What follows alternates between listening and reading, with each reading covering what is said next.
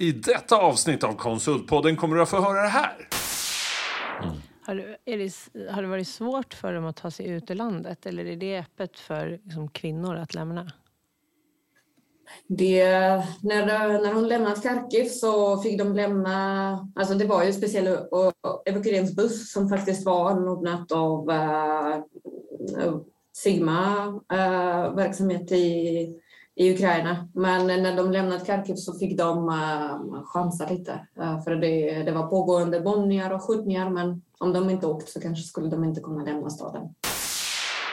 Finns det behov att hjälpa till?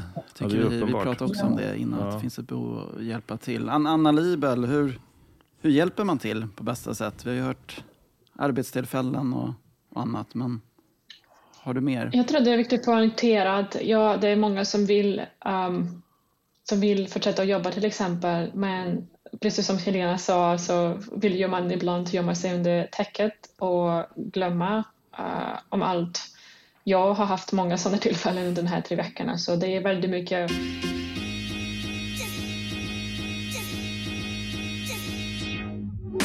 Konsultpodden, den största podden för dig i konsultbranschen. Med mig, Helena Torhage, Håkan Mild Svensson och Mattias Loxi. Bakom podden står Berotech och Synode. Konsultpodden. Konsultpodden. Ja. Håkan, Helena. Ja, ett annat typ av avsnitt. Ja, det går inte liksom inte bara köra hej och hå och, och, och låtsas att det som just nu sker där ute inte sker. Utan därför är det här avsnittet väldigt tillägnat Ukraina. Mm. Precis. Och vad vi kan göra i vår del av världen för att kanske möjligen underlätta situationen lite grann. Eller vad vi behöver veta och hur vi kommer också prata lite grann om hur man eh, kan behandla sina ukrainska kollegor med respekt och förståelse mm. i just nu. Det kommer bli ett speciellt avsnitt. Hur, mm. Vad är dina känslor innan vi släpper in våra gäster också Håkan? Ja, men jag, det, det är ju det är lite läskigt. Alltså, vi pratar ju nästan bara om det här och vi vet väldigt lite. Vi är oroliga för den informationen vi får. Är den sann? Eh, nu kommer vi idag få prata med människor som har väldigt nära kontakter och är därifrån. Det ska bli eh, förmodligen känslosamt. Eh, så. Mm. Ja, han, eh, bara när Anna som kommer in i samtalet strax eh, berättade så fick jag hur mycket tårar som helst. Jag vet inte hur det här kommer gå för mig. Nej, vi får se. Det känns väldigt overkligt tycker jag. Mm. För tre veckor sedan så så var det nästan frid och fröjd. Ja, och, sen, och, samtidigt så finns det den här äh, normaliseringsprocessen. Att man vaknar och vet att det är krig. Det hade ju varit helt otänkbart för några månader sedan. Mm. Och nu är vi i det och äh, lever ju ganska bra just här. Men det är ändå, man har landat i att det är så, även om man inte kan ta in att det pågår. Mm. Men vi har som sagt vi har med oss tre gäster idag via Zoom. Eh, vi har först från Reykjavik, Anna Libel som faktiskt varit med förut. Och Anna, du är ju från Ukraina också och har familj kvar där. Hur mår du idag? Jo, uh, om jag ska vara väldigt ärlig så mår jag inte nu för tiden. Jag tillåter mig inte att reflektera på mina känslor uh, för att jag vet att jag ska krascha då och det är inte dags att krascha. Så jag kan säga vad jag kan göra, vad jag gör, men inte hur jag mår. Nej, jag förstår det. Men berätta först bara din familj, för du har några som är kvar och några är på väg hit. Ja, mina föräldrar är kvar i Kiev och de vill inte flytta. Eh, de vill stanna där. De vill inte eh, fly helt och hållet och samtidigt så är de båda läkarna och de känner att det är deras plikt att stanna och kunna hjälpa om det behövs. Än så länge har de inte blivit kallad till, eh, för att hjälpa eh, men ja, det kan ju hända när som helst. Min syster eh, som bor med dem har börjat sin resa till mig för två dagar sedan. Så det var mycket tågstationer och mycket väntetid på tåg och sånt. Nu är hon i Polen och ikväll om allt går bra ska hon flyga hit. Mm. Hemskt. Ja. ja. fantastiskt att hon är på väg. Ändå. Ja, det är lättnat. Vi har två gäster till också. Eh, Nathalie Lamkén och Niklas Börjesson från Sigma Technology. Välkomna. Tack, tack. Hur mår ni idag? Jo, vi mår bra. Det är väl som du säger att det är, den här frågan finns ju närvarande hela tiden. Även för mig som, eh, inte har någon släkt eller så i, i Ukraina. Men vi har ju många, vi har ju många kontakter som jag har jobbat med under lång tid som finns i Ukraina. Det är klart man känner av det. Mm. Och Nathalie, du, du är ju från Ukraina också, familj kvar där. Yes, jag äh, flyttade till Sverige från Kharkiv för sex år sedan men äh, här min familj, äh, både mor och farföräldrar och pappa är kvar i Kharkiv. Eh, de eh, valde också inte att eh, evakuera sig, de vill stanna kvar. Både min mormor och min morfar överlevt andra världskriget så denna gång vill de inte fly. Och min mamma är nu här i Göteborg. Det har också varit en lång evakueringsresa som tagit fem dygn. Eh, över 40 timmars eh, bussresa från Kharkiv till Lviv eh, som vanligtvis kanske tar 12 timmar.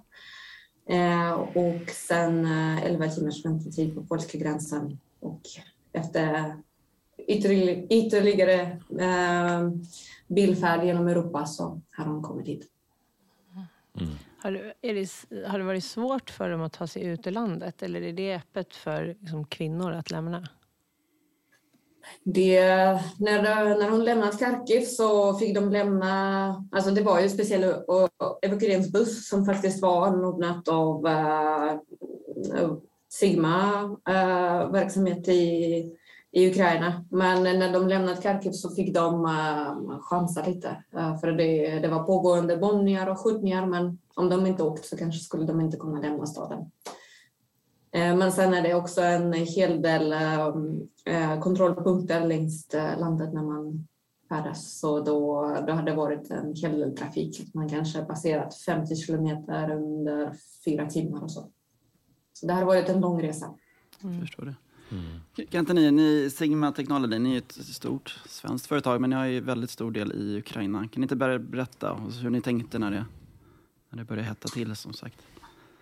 Ja, vi, eh, man kan säga, vi har ju haft eh, den, den ukrainska verksamheten sedan eh, 2006. Och man kan väl säga så vi var, vi var ju som bolag var vi ganska, vi, vi kom fram till en punkt ja, 2005-2006 när vi insåg att vi, har, vi och våra kunder har behov av att liksom kunna göra leveranser ifrån fler håll och eh, Visst, vi har även startat i andra länder ungefär i samma tidpunkter då, men eh, det var, för oss var det väldigt viktigt att, att, få en bra, kunna få en bra eh, leveransorganisation och duktiga entreprenörer och vi hittade ju ett eh, ja, duktiga entreprenörer som hade kommit en liten bit på sin resa då 2006. Man var ungefär 60 personer. Och idag närmar vi oss ungefär 2000 då. Eh, så det har varit väldigt lyckosamt då. Vad, vad gör man när man har 2000 medarbetare i Ukraina? Ja. Ja, så vi, så vi, man kan säga, vi har ju börjat, vi har ju byggt successivt då, vi, vi från den svenska verksamheten i Sigma, vi har ju vi har ju jobbat tillsammans med våra kunder och med våra, våra ukrainska kollegor och bygga upp en eh, väldigt högkvalitativ eh, leverans. Eh, man kan säga att vi har alltid successivt har vi gått på, på kompetens, eh, satsat på vidareutbildning, eh, utveckling och, och, och, och, även gått på de... Man kan säga det, det föder ju Alltså när vi kan erbjuda de bästa, mest utvecklande projekten så har det ju fött också eh, liksom en vilja att jobba med Sigma, att utvecklas i organisationen hos oss. Då. Och sen har vi ju successivt byggt upp det här på, på flera orter. Jag menar, från början fanns vi i Charkiv men nu jag vet inte om det kanske har varit eh, ja, 8-10 orter i alla fall i, i, i Ukraina. Då, eh, och så det har ju varit, det har varit en styrka och det har ju varit en styrka även nu. Då, kan man säga. Då. Och vi, eh, man har ju, vi har byggt upp kan man säga som center of excellence för eh, olika typer av branscher. Då. Jag menar, som telekombranschen eller fordonsbranschen. Jag menar, där, där exploderar det ju idag med liksom, eh, elektrifieringen och självkörning och allt det där. Och, och, det kan vi ju, kan vi ju möta i med ukrainska team. Då. Mm. Att, du, du, eh, Björn, jag funderar på en sak. Hur, hur, hur ser vardagen ut för dig? Vad, vad händer en vanlig dag nu på jobbet i det här tuffa läget? Var det till mig? Till Mm. Niklas? Niklas. Niklas, Ja, förlåt. Niklas, förstås. Jo, nej, men alltså, man kan säga mitt, mitt, äh, mitt fokus är ju egentligen i, i eh, ett äh, antal kundrelationer då, tillsammans med, med våra ukrainska kollegor där, man, där vi äh, egentligen har en daglig, i grunden daglig uppföljning på, på, på alla medarbetare som finns allokerade i de här, för de här kunderna. Och, kunderna har själva direktrelation med, i många fall med sina, sina personer och med, jag menar, även när vi har om vi har avstämning kanske på ett större, på en, på en samlad leverans till vissa kunder då, så kan stakeholderna parallellt sitta och ha chattkonversationer eh, med våra medarbetare i olika städer och säga men nu vet jag att eh, eh Anatoly han har det bra, han är igång och jobbar sedan eh, en timme tillbaka och, liksom, och så vidare. Och Sergej han, han jobbade för en stund sedan men nu har han paus eller, och så vidare. Då. Så, så, alltså att våra kunder lever också med det där dagligdags kan man säga. Men det betyder att er verksamhet i Ukraina flyter på även under de här veckorna? Ja, vi, jag måste säga att jag är ju, alltså jag, jag är ju förvånad själv. Alltså vi, vi har ju, alltså man har ju jobbat väldigt målmedvetet sen, alltså så här, ryska annekteringen av Krim då, 2014. Och det är ju så att även de här eh, så att säga, enklaverna Donetsk och Luhansk, de ligger ju, de ligger ju väldigt nära exempelvis Charkiv eh, i östra Ukraina. Så att eh, det har ju, man kan säga, det, verks, vår verksamhet har ju känt har ju känt ett påtagligt behov av att liksom förbereda sig med business continuity plans och de har blivit väldigt verkliga också. Då, va? Eh, och, och, det har ju, och man har ju förberett oss eh, inför, även om ingen trodde att det skulle bli en sån här eh, invasion som det blev, så har vi faktiskt ändå förberett oss. Vi har liksom även, alltså både från man kan säga från styrelsenivå och, och ledningsnivå och, och, man har liksom drillat det här ner i, i, i kommunikationen med alla medarbetare. Man har ställt ett stort antal frågor. Man har uh, haft uh, simuleringar där man har liksom gått ut med uh, ja, förberett. Liksom, ja, för, för, förberedelse och man har även sett att ja, men här måste vi vässa vår information därför att det saknades den och den informationen i det här meddelandet. Har det funnits något resonemang om att försöka få hit vissa av de här individerna redan innan liksom, själva kriget bröt ja. ut? Ja, eh, exakt, en, en, en, det har vi också genomfört då, som man har, vi har haft koll på eh, vill, alltså, vem vill flytta. Jag menar, man vet ju aldrig hur det blir i skarpt läge, men vem tror att man vill, kommer vilja evakuera? Vilka, ett, ett litet fåtal valde att lämna Ukraina eh, tidigare, men många, när det väl började eskalera så var det ändå rätt så många som, som ville evakuera till framförallt västra Ukraina. Då, va? Och eh, vi har ju, har ju förberett oss med abonnerat eh, busstransporter och, och eh, ja, hyrt in lokaler, både liksom större ja, kan man säga, sanatorium eller den typen av större anläggningar. Men även lägenheter och hotellrum i västra Ukraina. Då. Och det har ju, och, och sen har ju, man kan säga när, precis när det har varit som mest intensivt, när det har varit liksom eh, bombardemang, har man inte, då kan man ju inte evakuera någon. Men eh, så fort det har varit lugnt så har vi kunnat använda då den infrastruktur som vi har haft med vi har haft appar, vi har haft ett eh, BCP, alltså Business Continuity Team som egentligen har turats om och jobbat dygnet runt 24-7 och hålla kontakten, uppdatera listor på var alla finns någonstans, var, var, var, vart man vill eh, flytta eller om man vill bli evakuerad. Då. Vi har kunnat skicka ut att okej, okay, imorgon klockan 10 finns det en buss där och där, ni får ta er dit och så vidare. Då. En fråga jag får då, Niklas och inte Björn längre då, är, vi får ju hoppas verkligen att det här är snart slut, det här hemska som pågår. Vad är eran plan? Jag menar, ni kanske har, ni har ju förspänt, ni har varit länge och nu är ni mitt i, i en livskris, en stor kris för hela jordklotet och för de människorna som är nära er. Vad är er plan? Hur, hur tar ni hand om medarbetarna när det börjar bli klart? Har ni någon, vad, är, vad är stegen ni tar då?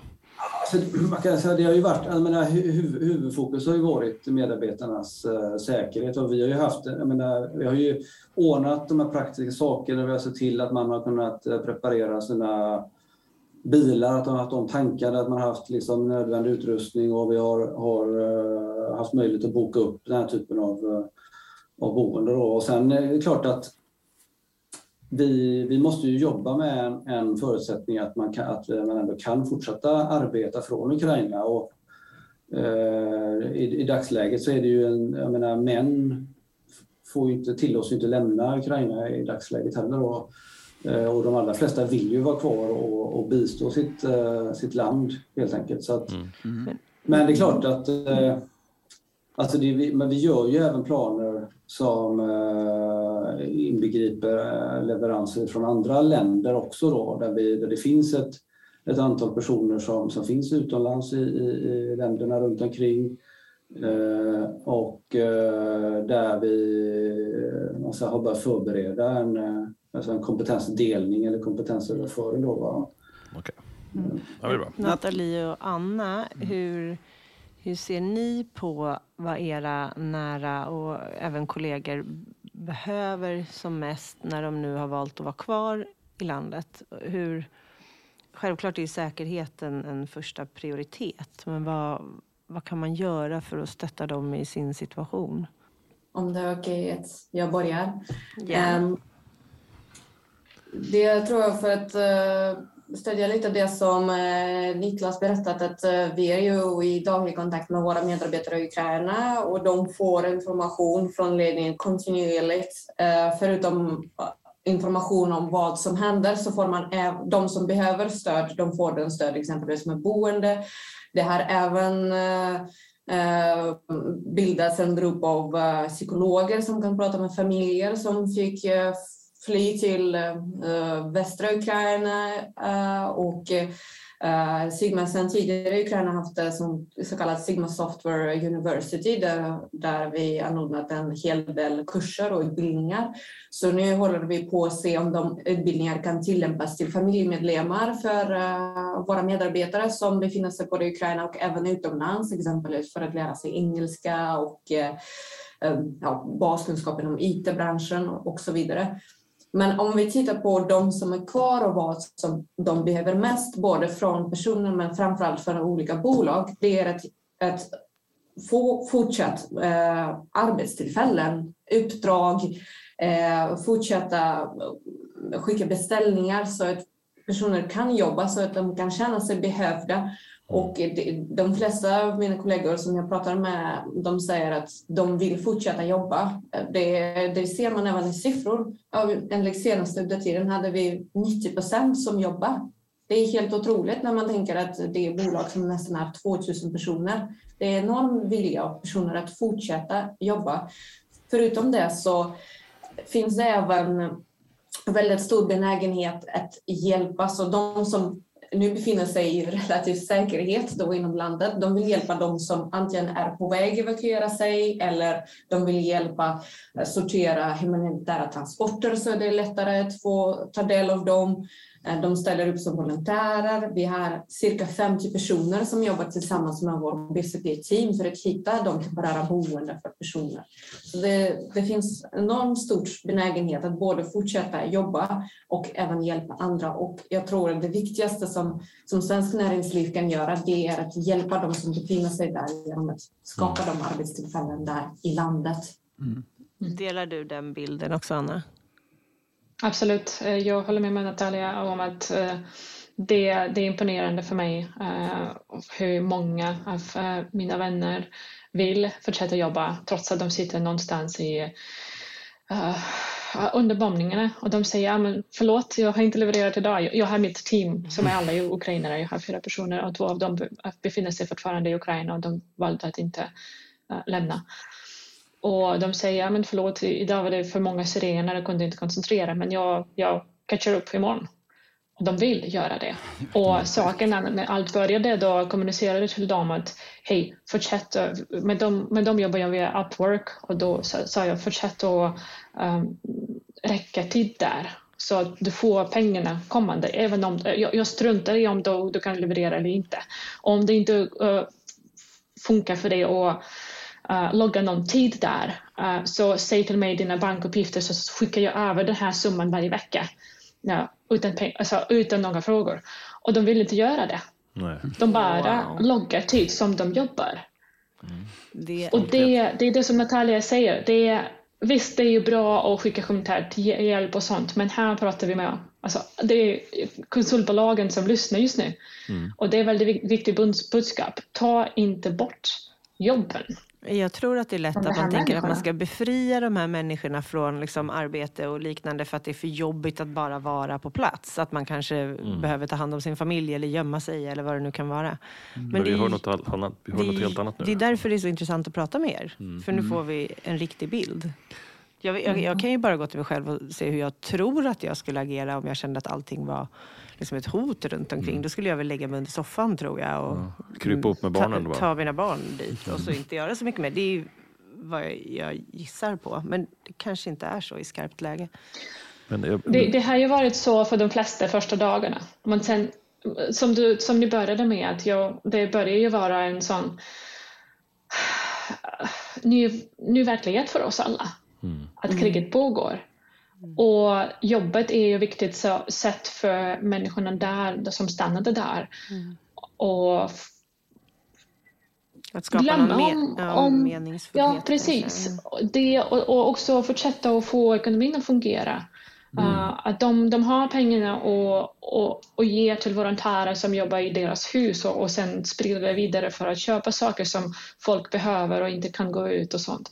Så det är ju viktigt att vi fortsätter att och få pengarna in i landet för det finns ju saker som är fortfarande där och man har tillgång till dem till exempel. Och det finns folk som vill hjälpa dem som inte kan till exempel komma ut och få de här sakerna. Så det, det, alla försöker göra det de kan. Och de som fortsätter att jobba och så gör sitt bästa för att göra det, de är också en del av våra, vår armé, våra soldater. Absolut. För de mm. får landet att fortsätta fungera. Jag kan tänka mig att liksom patriot autismen och eh, som gemenskapen blir enormt stark säkert. Så att man blir ett lag på ett sätt som man kanske inte ser i andra situationer. Mm. Verkligen. Ja, jag tänkte säga det. Vi pratat med mina kollegor också i Ukraina och de var med i som intern intervju i Ukraina för ukrainsk media. De, eh, de fick fråga om de kunde beskriva situationen och hur de arbetar med under kriget med ett ord. Och ordet som man använde var just lag, alltså det är lagarbetet. Mm, precis. Och det är precis som Hanna säger, att, att fortsätta jobba och fortsätta ha beställningar, det är ju ett sätt att för de personerna som befinner sig där, som behöver jobba medan de hör flygplan och bombningar, det är att försöka skapa på något sätt normal tillvaro. Mm. Så att man kan bygga sin, sin vardag och ha sina rutiner.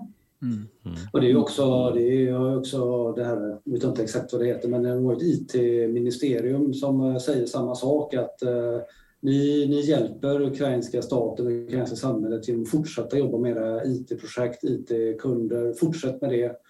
Eh, ni ska, det är det ni ska göra. Det är, så mm. stöder ni bäst mm. Ukraina läget. Hur, hur eh, era kunder som har personal via er i Ukraina, hur, hur har de reagerat? Ja, de har, det, finns ju ett, det finns ju väldigt stort behov av information. Och eh, många, en del kunder vill ha uppdatering dagligdags, en del nöjer sig varannan dag, en del vill ha ja, två eller en gång i veckan uppdateringar lite beroende på hur man kan säga hur operativt eh, direkt eh, projektet är för, för dem.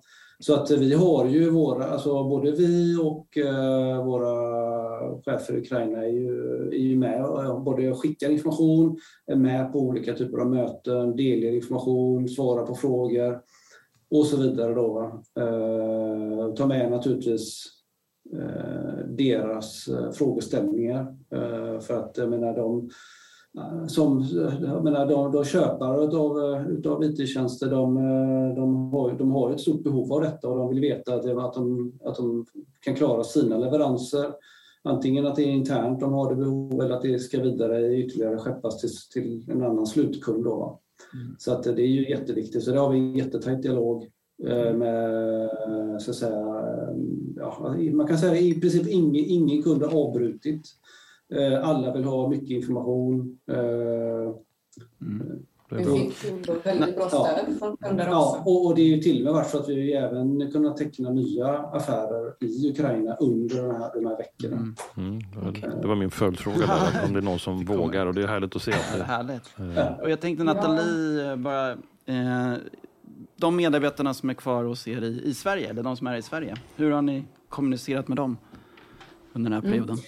Ja, men jag skulle säga att eh, allmänt ord för all vår kommunikation under den tiden, om jag skulle beskriva det så var det ord transparens, eh, nyckelordet. Så vi har varit väldigt öppna med allt som hände från dag ett, från den 24 februari. Vi har gått ut med dagliga uppdateringar till alla våra medarbetare, både i Sverige men sen har vi även verksamhet i Ungern som hjälper väldigt mycket till för att eh, det är som vår extra hubb för de personerna. Det är väldigt många som och, och, som väljer grannländer för att flytta, om de flyttar från Ukraina och då är Ungern en av sådana destinationer.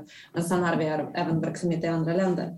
Eh, och vi har även öppnat upp för möjlighet för våra medarbetare att signa upp om de kan erbjuda boende för första tiden när personer kommer hit, eh, om de vill ställa upp med till exempel transport, hjälpa köra våra kollegor och deras familjer från punkt A till B eller vara med och gå till um, mynd svenska myndigheter. Ja. Så vi, vi har nu fått, vi är nästan uppe i 100 ansökningar om sån volontärshjälp från våra medarbetare eh, här lokalt som vill hjälpa till. Så det har varit eh, väldigt stort stöd. Och, eh, och det är så, som Niklas säger, alla vill ha information och veta exakt vad som händer. Så vi, vi konstant kommunicerar internt för att, ja, för att alla vet. Finns det behov att hjälpa till? Ja, Tycker är vi, vi pratade också om det innan, Ja. att det finns ett behov att hjälpa till. An- Anna Libel, hur, hur hjälper man till på bästa sätt? Vi har ju hört arbetstillfällen och, och annat, men har du mer? Jag tror det är viktigt att poängtera att ja, det är många som vill, um, som vill fortsätta att jobba till exempel, men precis som Helena sa så vill ju man ibland gömma sig under täcket och glömma uh, om allt. Jag har haft många sådana tillfällen under de här tre veckorna så det är väldigt mycket volontärt ideellt jobb som jag gör och sen försöker, försöker jag fortsätta driva företaget och, men samtidigt så gömmer jag bara mig under täcket. Alltså faktiskt gör det. Och det ska man ha förståelse för. Ja, vi vill alla jobba, vi vill alla stödja, vi vill alla bidra på något sätt. Men samtidigt så, så kommer de här vågorna av känslor som bara överväger allt annat. Och det ska man ha förståelse för och, och vara okej och prata om det. Påminna folk att det är okej oavsett vad som kommer. Vill du jobba? Ja, vi ska jobba med att ha något jobb för dig. Vill du inte göra det? Känner du dig inte redo idag? Absolut, ta en paus. Och det är också det som ni kan hjälpa som, eh, som företag och arbetsgivare är just att um, erbjuda psykologiskt stöd för medarbetare. Och det gäller både de som ni kanske har i Ukraina men även de som är utomlands. Och om det är svenskarna, om det är ukrainare som bor i Sverige. Alla går igenom något som vi, vi, vi inte valde och vi skulle aldrig önska någon att gå igenom det. Och det, det är påfrestande. Och att skapa något plats för medarbetarna att komma och prata om det, det hjälper verkligen. Att ha en psykolog som nämner saker så att folk har ord för att beskriva vad de går igenom. Det hjälper. Att vara i ett rum, oavsett om det är fysiskt rum eller Zoom, um, att prata om de här sakerna och se att jag, jag är inte den enda som går igenom det här. Det också hjälper otroligt mycket.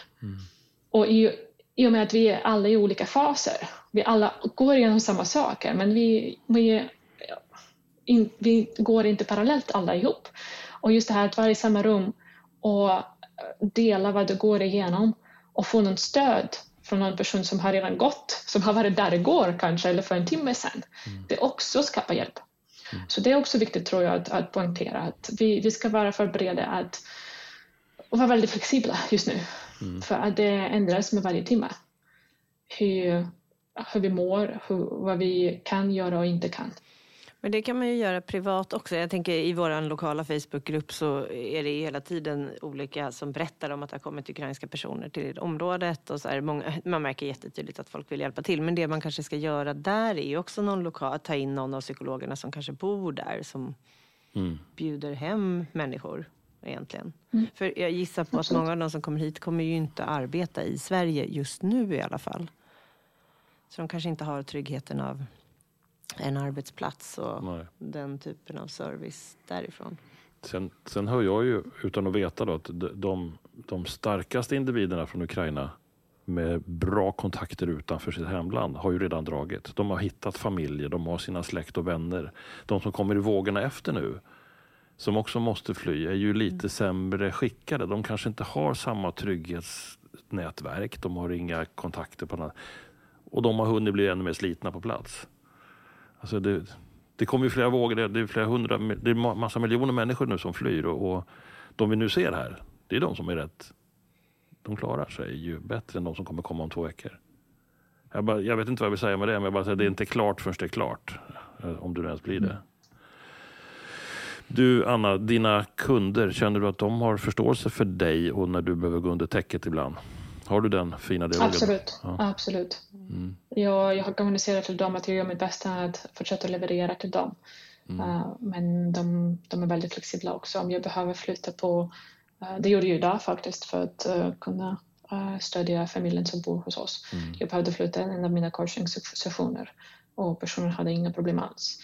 Jag behövde pausa ett projekt det är ju bara några dagar kvar att jobba ihop.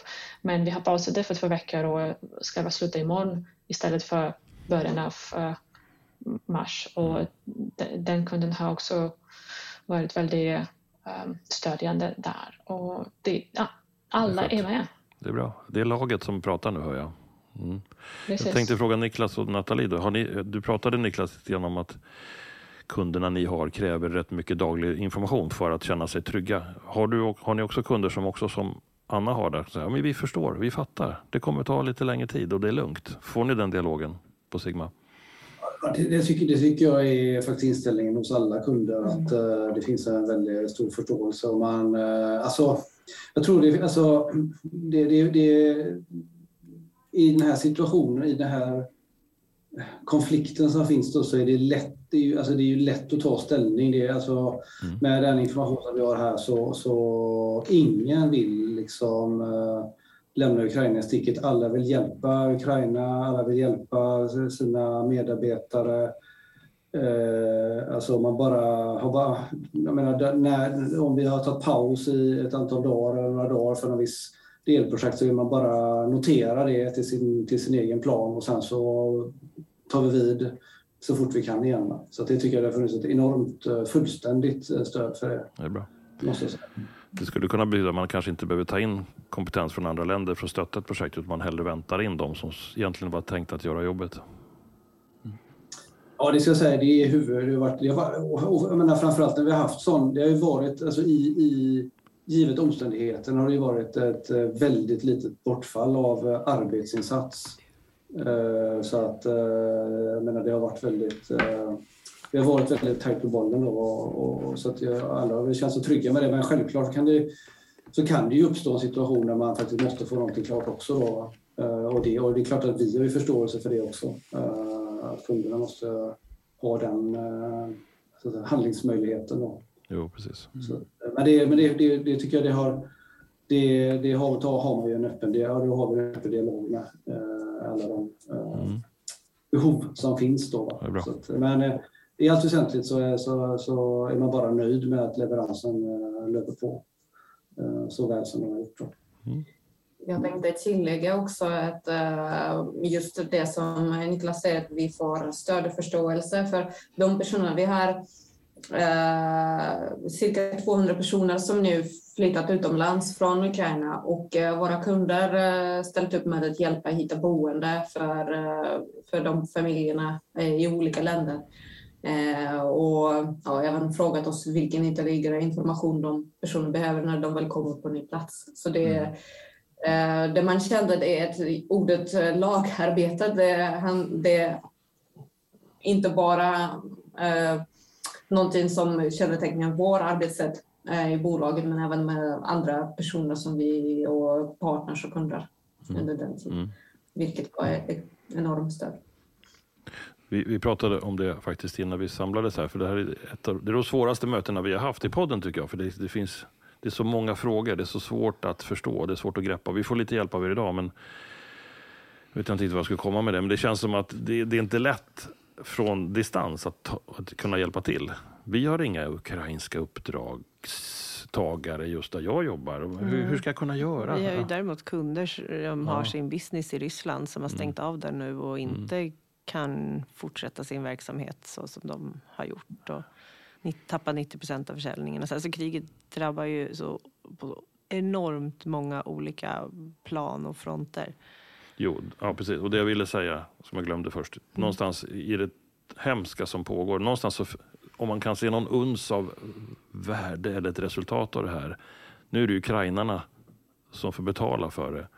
Men någonstans så pratar vi om laget här nu. Jag tror att vi kanske kan inse att vi som, som system, vi märker det att vi som lever i samma blodomlopp. Vi sitter och är tagna och hör saker som ni berättar och vi, är, vi kan gå ut och ta en fika på Götgatan och liksom leva våra liv direkt. Men vi blir ju tajtare genom de tragiska händelserna som sker. Och det är väl någonting man kan försöka ta med sig hem. Att inte, inte kanske gå ständigt och vara rädd, men det här laget vi nu berör, kan vi inte försöka behålla den känslan sen när det är bra igen? Ja. Och inte bli så egotrippad och bara köra egna race igen. Ja, men det känns ju som en tid där solidariteten efter, ja, genom corona har det varit så, men också i det här. Och jag tror framåt också, om vi ska klara allt möjligt, så är det ju väldigt mycket tillsammans och det är samarbete och vi behöver hjälpa varandra. Ja. Eh, och det spelar ingen roll vilket land man befinner sig i eh, egentligen. Och det tror jag vi kommer behöva. Ja, vi berörde ju det i samband med tidigare poddar om, om klimatutmaningen. Och tänk om vi kunde ha tagit det lika allvarligt som vi tog på covid. När hela, hela världen ställde upp och ändrade system och finansierade smarta lösningar. Och nu, nu är kriget lite grann på samma sätt. Att nu Ja. gör vi allt för att lösa det här. Ja, och samtidigt i kriget så har det varit helt omöjligt att leva utan rysk olja och gas. Och sen samtidigt försöker man ju strypa det nu och det har gått på ett par veckor. Något som har varit helt omöjligt i decennier. Ja, jag tar med mig laget här. Ja. Eh, Nathalie, har ni något, någonting i övrigt för oss som vill hjälpa till? Någonting mer ni vill lägga till innan vi får tror jag, runda av här? Mm.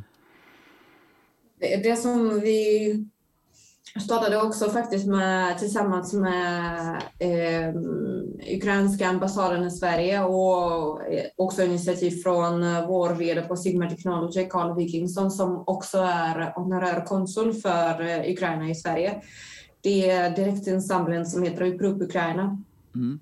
Eh, och det är en insamling som eh, går oavkortat direkt till eh, ukrainska staten för två ändamål.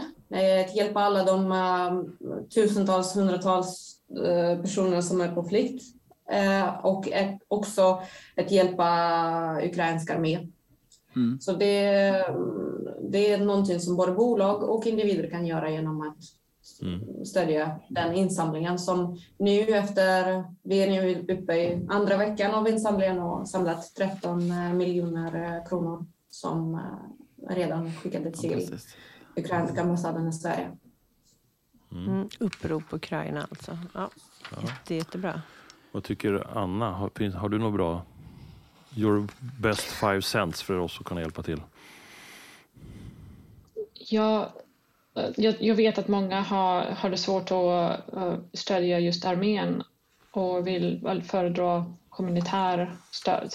Och det är den första frågan som jag brukar ställa till, till folk när, när de skick- skickar mig frågan hur kan jag hjälpa till?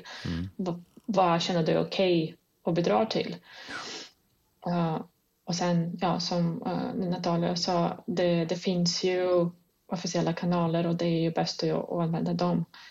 Eh, det som jag vill tillägga, uh, Håkan du nämnde ju uh, covid och hur, hur det har förändrat hur vi tänkte och agerade. Ja. Och jag pratade bara igår med, med vissa människor från, uh, från sta, staten här i, på Island och de använder ju samma lösningar som de använder för covid, typ appar och sånt, för att hjälpa flyktingar, för att hjälpa, för att sätta upp system för det. Och det är något som techbolag kan tänka på. Vad, vilka innovationer har vi skapat för att hantera krisen som covid har skapat för oss? Uh, vad av det kan vi använda för att stödja Ukraina just nu? Det är bra. Bra. Det är bra. Smart. Mm. Ja, vi får avsluta här tror jag. Har ni några sista ord innan vi avslutar? Jag tar med mig laget. Jag tycker det var fint. Ja, men absolut. Det känns som vi Jag, samlas. jag skulle vilja bara säga tack. Jag menar, ni är mitt i krisen och, och det, Mm. nu, det kommer människor som behöver hjälp med migrationsverk och det är bussar som flyktingar åker i och ni, och ni ändå väljer att sitta och lyssna och prata med oss. Det är stort tack till er som är Stort med. tack. Verkligen. Det gör alla stor, stor nytta. Mm. Tack till er också för att ni skapar den här plattformen för att folk kan lära sig. Och jag vet ju att eh, Synod har skickat ut um, nyhetsbrev första veckan med olika resurser och det, det är ju också viktigt att visa att vi allihopa, och just om vi pratar om laget som ledarskapscoach och personlig utveckling coach så pratar jag om det just nu att vi behöver lägga det till minnet Mm. hur vi kan vara Mm. hur vi kan leva upp till våra värderingar. Mm. Och just att när krisen är förbi, att vi fortsätter att använda det. Så det är bra att ta en stund, kort stund, kanske fem minuter och sitta och spela in en video av sig själv, prata om sina reflektioner och, och vad, vad är ni stolta över? Över sig själv, över människor, era, er, ert företag, eh, arbetsgivare och så vidare. Vad är det som väcker positiva känslor i, i hur vi agerar som mänskligheten just nu? Och, eh, ja, det kan vara en video, det kan vara en reflektion i boken som du skriver och, och sånt. Men det är viktigt för oss att behålla det här för att vi, Mm. we move mountains just nu, verkligen. Och det behöver vi minnas efteråt, att vi har den här kraften. Det tror jag verkligen på. Jag håller med. Nathalie, Niklas, Ja, vill ni jag håller med dig. avsluta? Jag håller med. Ja, vi håller, vi håller med och det är ju, det är ju, så det är ju som eh, du berör där, att det är ju som en strid eh, och det är ju, jag menar, Ukraina, Ukraina slåss ju för allas vår demokrati och det är, de vet, jag menar, de, de slåss för de vet vad, vad det innebär att inte ha det. Så att eh, det, man ser ju det väldigt tydligt vad det är, vad det vilken, vilken laganda det skapar långt utanför Ukraina. Då. Mm. Och ni ska ha stort tack för eh, att ni ordnar eh, den här podden, poddtillfället. Så vi tackar för att vi fick delta. Mm. Tack så mycket. Ja, tack ni. Jag hoppas det går bra med alla som är på väg och syster ikväll. Och vi Verkligen. tänker på er hela tiden. Verkligen. Tack så mycket. Stort tack. Hej då. Hej då. Konsultpodden nummer 62 var det här. Du har eh, hört Nathalie Lamken och Niklas Börjesson på Sigma Technology. Även Anna Libel har varit med som gäst och sen så har jag, Helena Torhage och Håkan Mild Svensson från Berotech varit värdar tillsammans med Mattias Loxi från Synode. Vi har producerat hos Septemberfilm.